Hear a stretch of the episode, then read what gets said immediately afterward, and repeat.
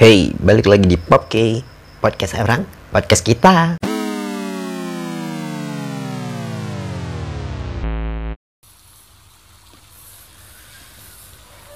Banda Aceh ini udah semalaman dari kemarin sampai hari ini diguyur hujan. Akibatnya beberapa titik di kota Banda Aceh ini terendam banjir. Kita doakan aja ya semoga semua dalam lindungan yang maha kuasa ya. Apalagi ini masih berbarengan dengan pandemi COVID-19 Tentu yang terkena musim banjir ini ya bisa dibilang sangat berduka ya Oke, podcast kali ini aku udah bersama istri lagi nih kita pengen bahas tentang tes personality. Personality ini kan merupakan bagian dari psikologi. Nah, menurut aku ini bahasannya agak beda karena emang basic kita nggak di situ ya. Dan istri aku sendiri nih uh, backgroundnya di pendidikan ya. Kenapa suka membahas tentang misalnya uh, cari-cari tahu atau apa namanya? mendalami Mendalami ya, punya ketertarikan tentang seputaran psikologi ini sendiri. Eh, iya sebenarnya eh, dunia pendidikan nggak jauh dengan eh, psikologi juga ya. Sebenarnya setiap eh, ranah ilmu itu eh, psikologi main di sana gitu ya. Misalnya pendidikan ada ada psikologi pendidikan nanti ada seperti orang anak-anak teknik setahu aku gitu kan. Mereka punya eh, psikologi industri psikologi pemasaran untuk anak ekonomi dan sebagainya ya kan. Kalau di eh, medis jelas mereka punya psikologi klinis ya kan. Iya. jadi psikologi itu mm, spektrumnya luas. Eh, jadi eh, selama beberapa tahun mm, saya eh, menulis eh, meriset tentang pendidikan gitu kan saya berpikir lebih dalam lebih dalam gitu kan sebenarnya yang menjadi eh, inti dari pembelajaran itu apa Ya. Saya berakhir di psikologi dan juga eh, neurologi gitu. Mungkin karena neurologi eh, kalau misalnya mau kita aplikasikan itu eh, masih kurang ya di Indonesia apalagi di Aceh gitu ya kan. Nah, jadi eh, yang memungkinkan untuk saya eh, dalami ya ranah psikologi. Jadi eh, ke kognitif eh, psychology. Nah, jadi research interest saya di kognitif eh, psychology, psikologi berpikir eh, anak dalam pembelajaran. Kemudian eh, seiring saya membaca, eh, menulis dan eh, meresearch eh, soal eh, psikologi itu em, ada satu hal yang tidak bisa lepas dari eh, anak didik gitu yaitu personality, kepribadian ya kan. Jadi mungkin bagi saya pendidik, bagi saya em, pengajar, eh, personality anak didik itu sangat penting eh, untuk saya men mencapai goal dalam proses belajar mengajar. Nah, tapi di luar eh, proses belajar mengajar, di luar kelas kan personality itu juga eh, memberi eh, efek eh, yang luas bagi setiap individu. Nah, gitu. Bukan bukan hanya eh, seperti tadi kita bilang psikologi itu bukan cuma hanya eh, bisa diaplikasikan untuk satu bidang ilmu saja, tapi semua dalam ke dalam kehidupan juga. Maksudnya kalau personality ini eh sewaktu saya eh, tahu personality saya jadinya eh, nggak beban saya kurang gitu jadinya saya tahu oh saya hidup di dunia ini untuk menjadi ini oh ya udah berarti itu tugas kita gitu kan Iya. gitu Misalnya ada beberapa hal yang bertolak belakang dengan kita. iya eh, jadi bisa disesuaikan ya. Iya, dalam enggak enggak kita. iya enggak dipaksain. Jadi eh, ini apa satu eh, keywordnya eh, bagi saya sendiri nih setelah tahu eh, personality saya, so I know what I am, I know what I'm not gitu. Jadi enggak maksain kalau emang bukan untuk saya ya nggak dikejar. Jadi lebih sih lebih bisa melihat peluang dan dan lebih tahu tempat dan lebih tahu diri gitu. Iya. Oke. Untuk tes personality ini sendiri ada yang bisa dijelaskan nggak? Eh, ada beberapa macam tes personality, eh, tapi yang paling eh, sering eh, dan yang paling eh, update ya berdasar research research itu yang Myers eh, and Briggs eh, personality. Eh, ini adalah eh, hasil research dari dua eh, ahli psikologi eh, ini. Nanti bisa di Google aja kalau mau tahu mereka siapa. Eh, ada 16 eh, kepribadian yang dikategorikan berdasar cara berpikir dan cara eh, individu berperilaku. Jadi ada eh, akan ada eh, eh, seruntut kuesioner yang harus eh, dijawab dalam bentuk skala. Eh, untuk kemudian di akhir uh, kita tahu kecenderungan kepribadian kita ke mm, ke mana apakah introvert sensing apakah extrovert judging dan sebagainya kita ikuti aja kita jawab dengan uh, benar uh, dengan jujur gitu kan Hmm, maksudnya jangan jangan menyetel nyetel gitu. Saya mau gini nanti saya mau gitu, ah, jangan gitu. Jawab aja dengan apa adanya. Ya, Jadi ah, ah. berpengaruh ya nanti di hasil akhirnya. Iya, ya kan karena kita mau tahu hasilnya kan. Nah, dan jawabannya dalam bentuk eh, skala gitu. Untuk skala. Oke. Sebenarnya ada beberapa website yang udah menyediakan eh, tes personality ini ya. Kita udah memilih eh, salah satunya yaitu www. dot- apa tadi? Www.truity.com. Oke. Ini aku yang akan dites. Nanti kita akan lihat hasilnya. Bentuk tesnya gimana nih? Kuesioner? Ya bentuk teksnya eh, kuesioner, ya. ada eh, ada berapa banyak pertanyaannya? Mungkin sekitar hmm, Mungkin makan waktu Ah, barang iya. 15 menit ya. iya. Oke, kita mulai aja ya. Iya. Ini eh, jadi eh, untuk soal nomor satu eh, prosedur menjawabnya ini dijawab dalam bentuk skala. Jadi satu, dua, tiga, empat, lima. Satu itu tidak benar. Hmm, satu sangat tidak benar, dua tidak benar, tiga netral, empat benar, lima sangat benar, sangat akurat, gitu ya. Iya. Oke, nomor satu, eh, saya enggak mencoba untuk mencari perhatian. Hmm. Dua, dua. Eh, statementnya di di eh, website ini statementnya dalam bahasa Inggris. Jadi em, mm, yang yang eh, saya tes, eh, ya yang saya kasih tahu ini bahasa Indonesia aja. Jadi eh, ya jadi maknanya kira-kira kurang lebih gitu ya. Sekalian diterjemahkan ya. Iya. Hmm, terus pertanyaan kedua, eh, saya merasa tidak nyaman kalau saya eh, harus tidak setuju dengan orang.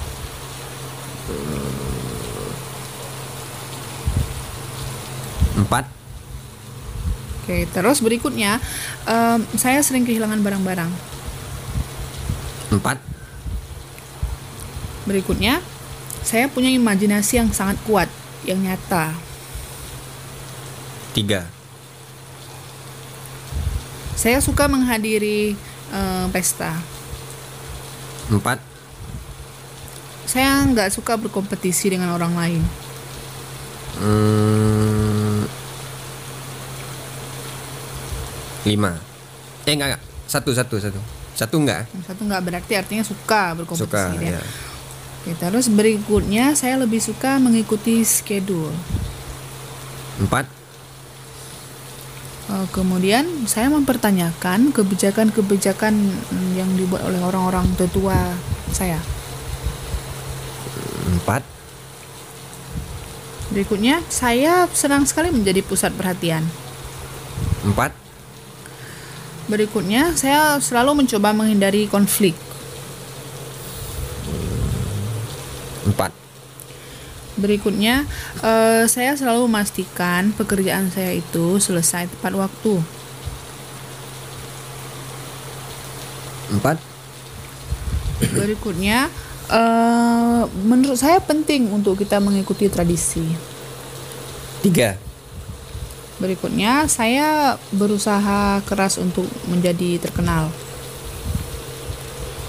Empat. Eh, saya bersimpati kepada orang-orang yang tidak punya rumah. Lima. Berikutnya, saya eh, punya masalah dalam mengontrol impuls, dalam mengontrol tindakan saya. Empat. Mengontrol impuls ini mungkin maksudnya kan, misalnya kamu takut eh, dan biasanya orang takut itu ada yang eh, harus eh, usap-usap tangan, eh, gosok-gosok eh, telapak tangan, atau itu masih di depan orang. Kamu nggak bisa kontrol gerakan-gerakan itu. Iya. Ah, Emang gitu ya? Kadang pada situasi tertentu ya ada yang bisa juga ada yang enggak tapi lebih do- lebih dominan ke iya nggak nggak bisa kontrol ya. Eh, terus kemudian berikutnya mm, saya memikirkan orang lain kenapa mereka melakukan hal yang mereka lakukan itu. tiga Terus berikutnya em, berbaur dengan orang membuat energi saya banyak, membuat saya tercharge energinya gitu. lima Eh, berikutnya saya eh, suka menolong orang-orang di sekitar. empat Berikutnya saya ambisius. tiga Berikutnya, em, saya suka mengerjakan eh, suatu hal sebagaimana dikerjakan dulu-dulu metodenya. Jadi nggak pakai cara yang lebih baru, ikut aja cara dulu gitu, cara empat biasa. empat Berikutnya, saya nggak suka sendirian. empat Nah, berikutnya, saya dengan mudah memaafkan. empat Berikutnya, saya suka mencoba hobi-hobi baru. empat Berikutnya, saya suka tetap aktif. empat Hmm, menurut saya, hal terbaik adalah kita harus benar-benar objektif sewaktu membuat keputusan. empat Kemudian, saya meletakkan barang-barang saya di tempat yang seharusnya.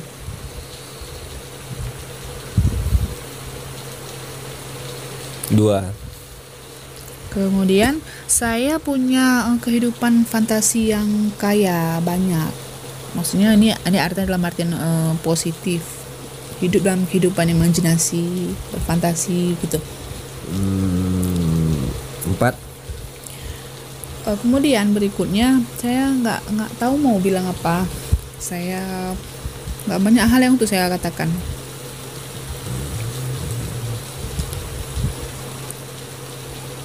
lima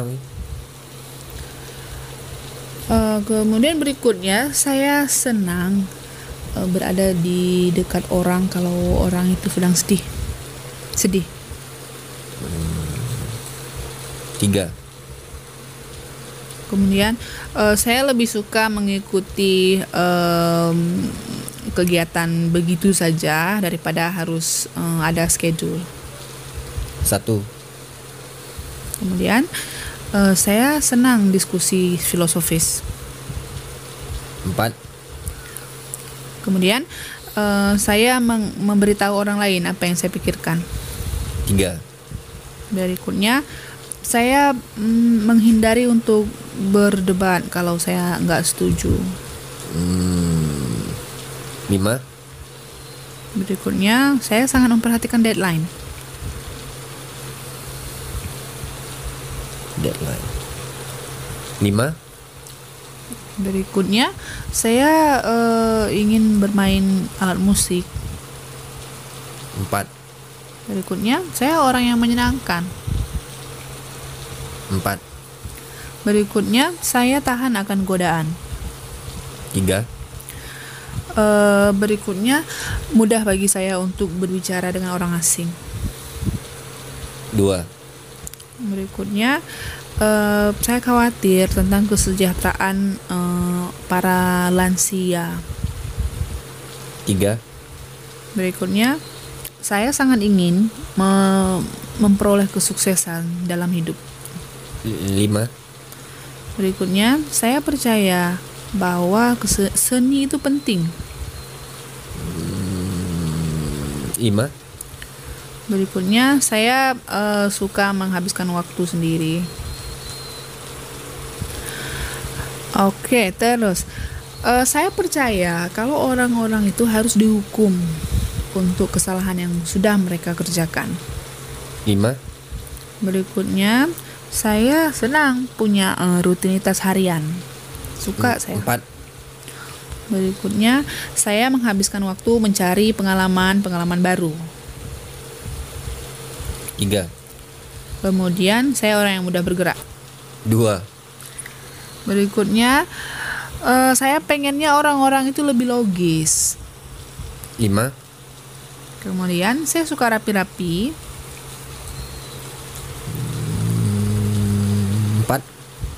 Kemudian saya suka membayangkan masa depan. Empat. eh saya sulit untuk mengekspresikan pendapat. Lima. Kemudian saya suka menolong orang yang punya masalah-masalah eh, pribadi, masalah personal. Empat. Eh, saya menyelesaikan tugas sebelum deadline. Empat. Saya suka memikirkan tentang misteri alam semesta ini. Lima. Saya punya energi yang banyak, nggak pernah capek gitu. Dua. Saya nggak tahan kalau orang nggak suka saya. Tiga. Saya mengikuti eh, kata hati saya. Dua. Saya suka memahami ide-ide yang rumit. Dua. Saya merasa sangat senang. Empat. Saya menghabiskan banyak waktu untuk memahami diri sendiri. Empat. Eh, saya agak takut atau nervous waktu ketemu orang-orang baru. Empat. Saya perlu support dari orang lain. Empat. Kemudian mm, saya nggak terganggu dengan em, keadaan yang nggak rapi, berserak-serak gitu, nggak terganggu. Dua. Saya suka ke museum.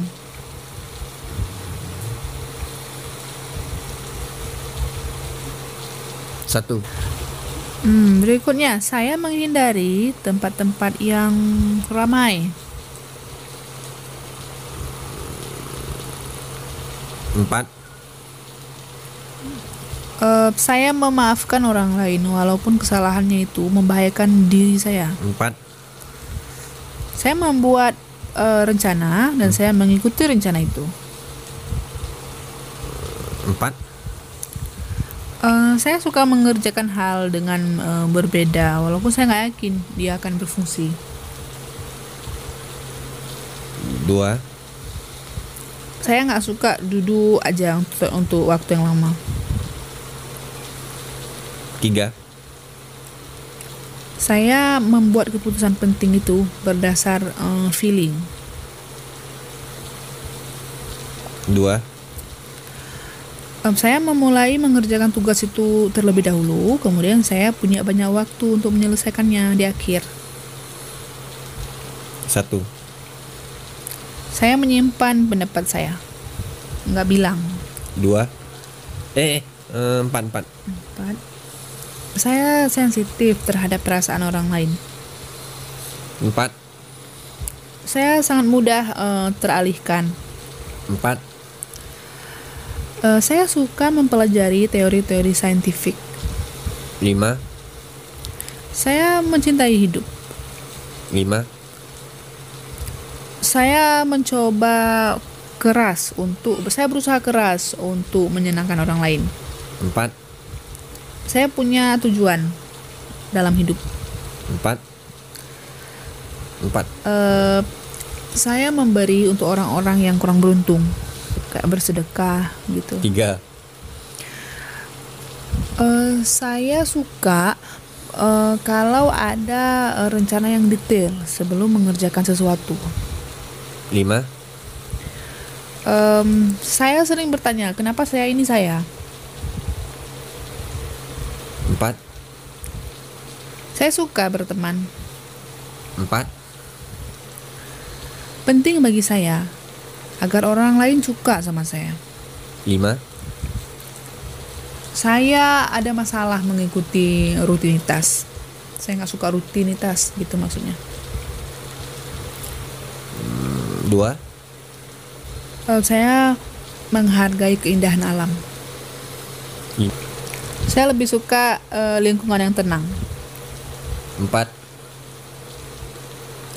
Saya sulit untuk mulai bekerja. Untuk mulai apa-apa mulainya Hmm, susah empat. gitu. Eh, Orang-orang yang emosional membuat saya nggak nyaman. Empat. Orang-orang bilang saya ini terlalu pendiam. Dua. Saya peduli terhadap orang lain. Empat. Saya mengerja- menyelesaikan semua tugas sebelum saya bersenang-senang. Saya. Saya menyelesaikan semua tugas atau pekerjaan sebelum saya bersenang-senang. Empat. Eh, saya suka ber eh, mengobrol dengan kenalan, bukan teman, kenalan. Tiga. Bagi saya penting untuk mem- membuat sebuah keputusan tanpa eh, dipengaruhi oleh emosi. Empat. Saya menjalankan rencana. Empat. Penting bagi saya untuk memahami gambar yang lebih besar. Lima. Eh, penting bagi saya untuk menjadi berguna terhadap orang lain, Lima. berguna bagi orang lain. Eh, saya senang menganalisa diri sendiri dan hidup saya. Empat. Saya sulit untuk berteman baru. Empat. Saya suka puisi. Tiga. Saya orang yang privat, nggak suka berbagi, nggak nggak suka buka buka buka gitu.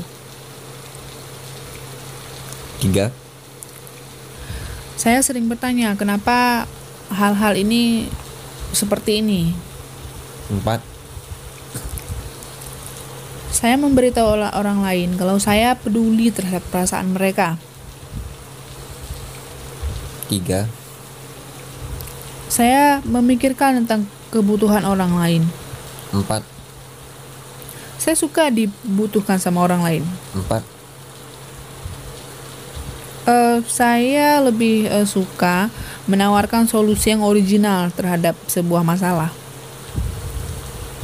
Dua. Saya orang yang penuh dengan ide. Tiga. Oke, next page. Ini yang ini ada ada eh, ada gimana questionnya d- dalam bentuk eh, polaritas jadi sebenarnya ya atau tidak masih dalam skala 1 2 3 4 5 tapi ada dua statement misalnya statement pertama itu saya suka eh, ide-ide yang mudah statement satu lagi saya suka ide-ide yang rumit ah, jadi dia eh, Yang pertama agak ke kiri ya di satu ya. Mm, ya. Jadi 1 2 3 4 5 tetap di range. Oke. Eh, ya sebenarnya sama aja ya. Jadi eh, ini berikutnya saya suka ide- ide-ide yang eh, mudah atau saya suka ide-ide yang eh, rumit. Satu. Hmm, satu atau lima aja tuh sebenarnya. Hah? Satu kalau yes di sini kalau no di sini jangan. Iya berarti. Oke, Saya eh, menyimpan untuk diri sendiri atau saya bicara. Kalau misalnya memikirkan sesuatu, simpan aja untuk diri sendiri atau saya lebih suka membicarakannya. Dua. Saya menghabiskan waktu untuk me- mengejar eh, goal saya. Atau saya menghabiskan waktu untuk menikmati hidup.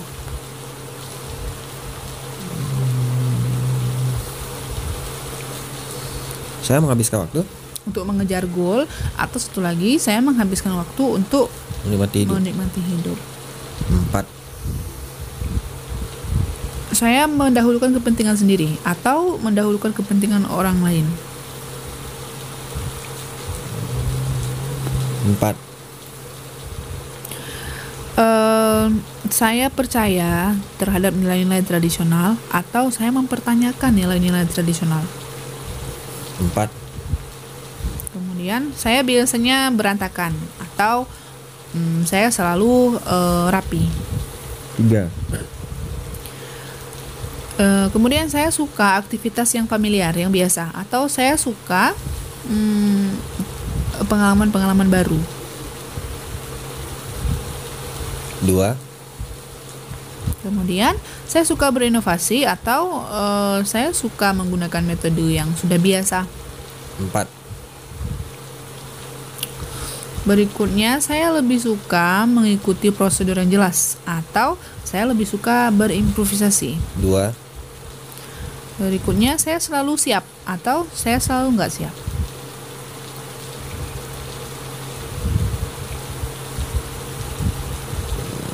Tiga.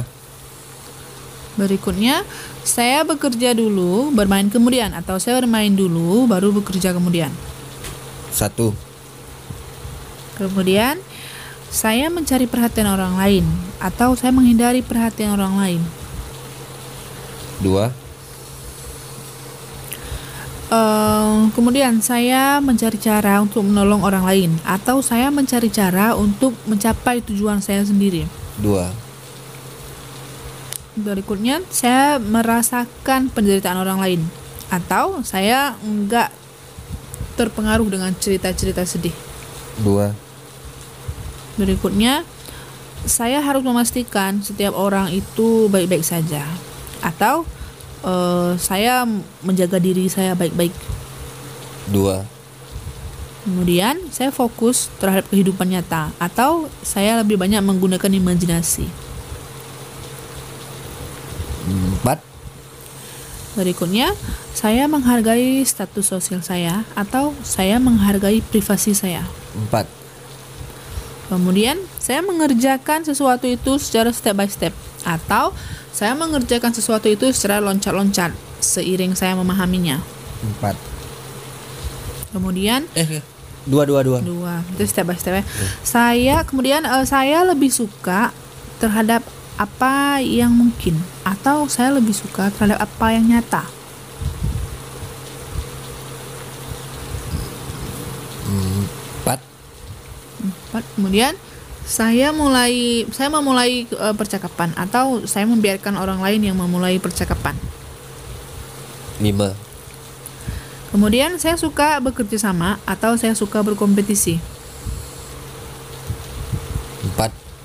Kemudian saya membuat eh, keputusan dengan kepala atau saya membuat keputusan dengan hati. Satu. Kemudian saya eh, mengikuti rencana atau saya mau me- saya bertindak on the spot. Satu. Kemudian eh, saya lebih suka bekerja di eh, kantor yang mm, sibuk dan eh, eh, agak bising atau saya lebih suka bekerja di eh, kantor yang nyaman dan tenang. Dan-. Tenang maksudnya.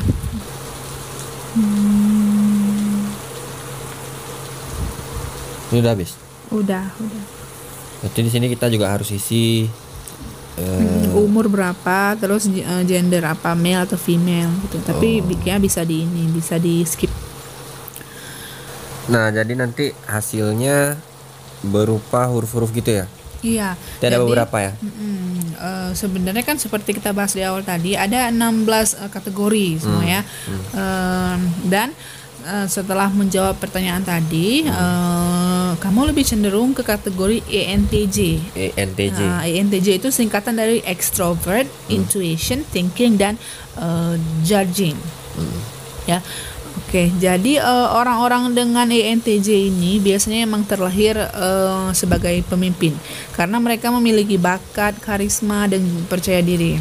Nah, dan mereka juga secara natural bisa menonjolkan eh, kekuasaan eh, secara natural gitu, tanpa harus eh, dibuat-buat atau dipaksakan.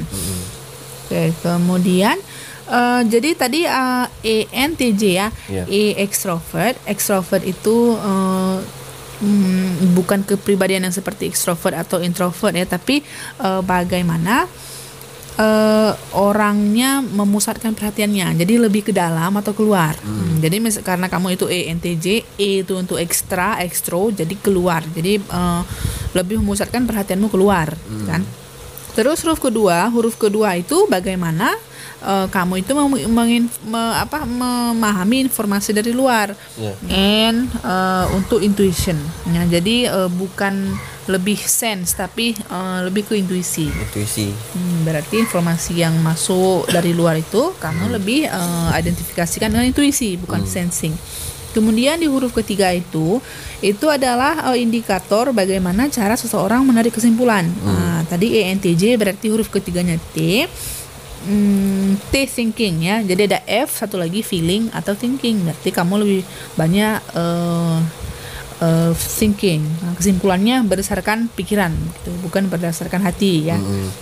Kemudian huruf terakhir menunjukkan pola hidup seseorang. J ya, ENTJ. Uh, ada judging, satu lagi perceiving judge itu begitu lihat oh begini gitu. Hmm, jadi langsung di uh, klaim aja gitu. Kalau misalnya perceive uh, dia dicari ya iya gini enggak ya? Ya iya gitu enggak ya? Jadi berulang kali di uh, lihat kembali. Iya. Gitu. Kalau kalau judge uh, kan logikanya begini, setelah dipikir begini berarti ya ini, Nah, gitu. Berarti lebih ke judge. Iya. Tapi nggak ada makna negatif di sini ya. Iya. Oke, kemudian orang-orang yang ENTJ ini menyukai tantangan. Mereka suka sekali tantangan karena mereka yakin kalau misalnya mereka diberi waktu dan sumber daya yang cukup, pasti mereka bisa mencapai tujuan mereka. Jadi karena kualitas ini biasanya E ENTJ itu menjadi pemimpin eh, atau pengusaha, ya. Mereka teguh pem- pendiriannya Hmm. dan hasil pemikiran mereka juga eh, tajam itu karena strategic thinking tadi ya mereka pemikirannya sangat strategis kemudian eh eh, hanya ada sedikit populasi yang eh, termasuk ENTJ ini hanya ada 3% dari eh, keseluruhan populasi. Tapi kebanyakan eh, kalau ENTJ yang tidak sadar bahwa mereka ini ENTJ akan lebih pemalu dan sensitif. Mungkin itu ada di pembahasan-pembahasan lain seperti eh, istilahnya unhealthy personality. Jadi kalau misalnya untuk ENTJ, personality yang tidak sehatnya itu mungkin masih belajar, masih proses ya. Hmm, jadi dia pemalu dan sensitif karena dia nggak sadar ada ada value apa dalam dirinya, apa kelemahannya, apa kekuatannya, dan secara natural dia harus bagaimana dan sebagainya.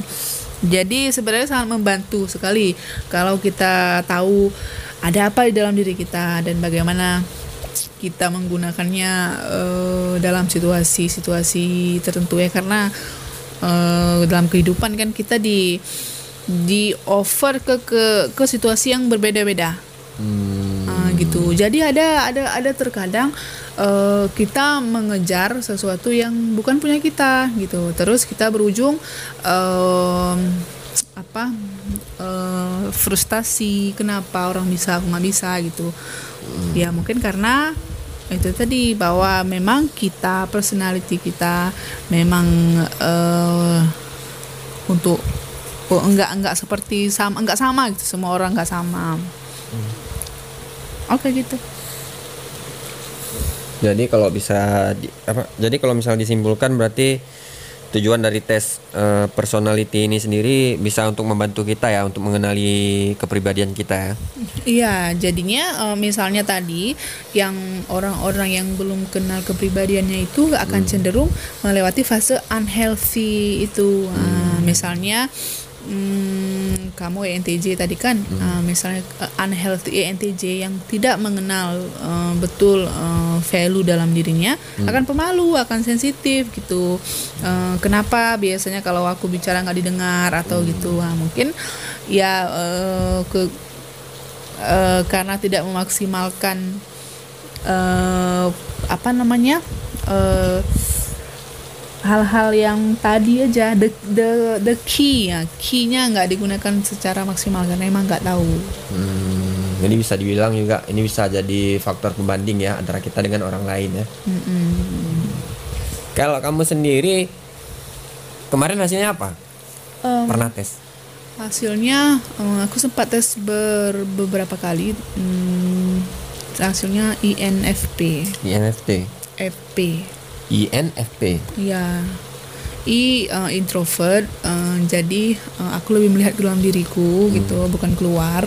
Terus kalau F feeling, karena emang menurutku kalau mengambil keputusan itu uh, aku lebih melibatkan perasaan gitu, Uh, karena mm, kalau apa-apa objektif. uh, nggak tahu jadi aku merasa lebih lebih baik di eh, merasakan dari segi orang lain gitu. Bukan memikirkan dari segi orang lain. Nah udah gitu aja. Nah, berarti memang akunya gitu. Em, terus eh, F eh, F ya.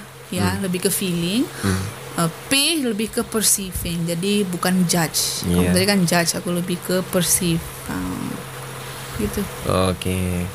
Ini ada kawan satu eh aku lihat di Instagram ya. Dia kita sebut aja namanya ya karena dia eh, udah taruh hasil Langsung dari personality. tes personality di bio. Artinya dia bisa artinya ya nggak masalah kan kalau disebutin kan.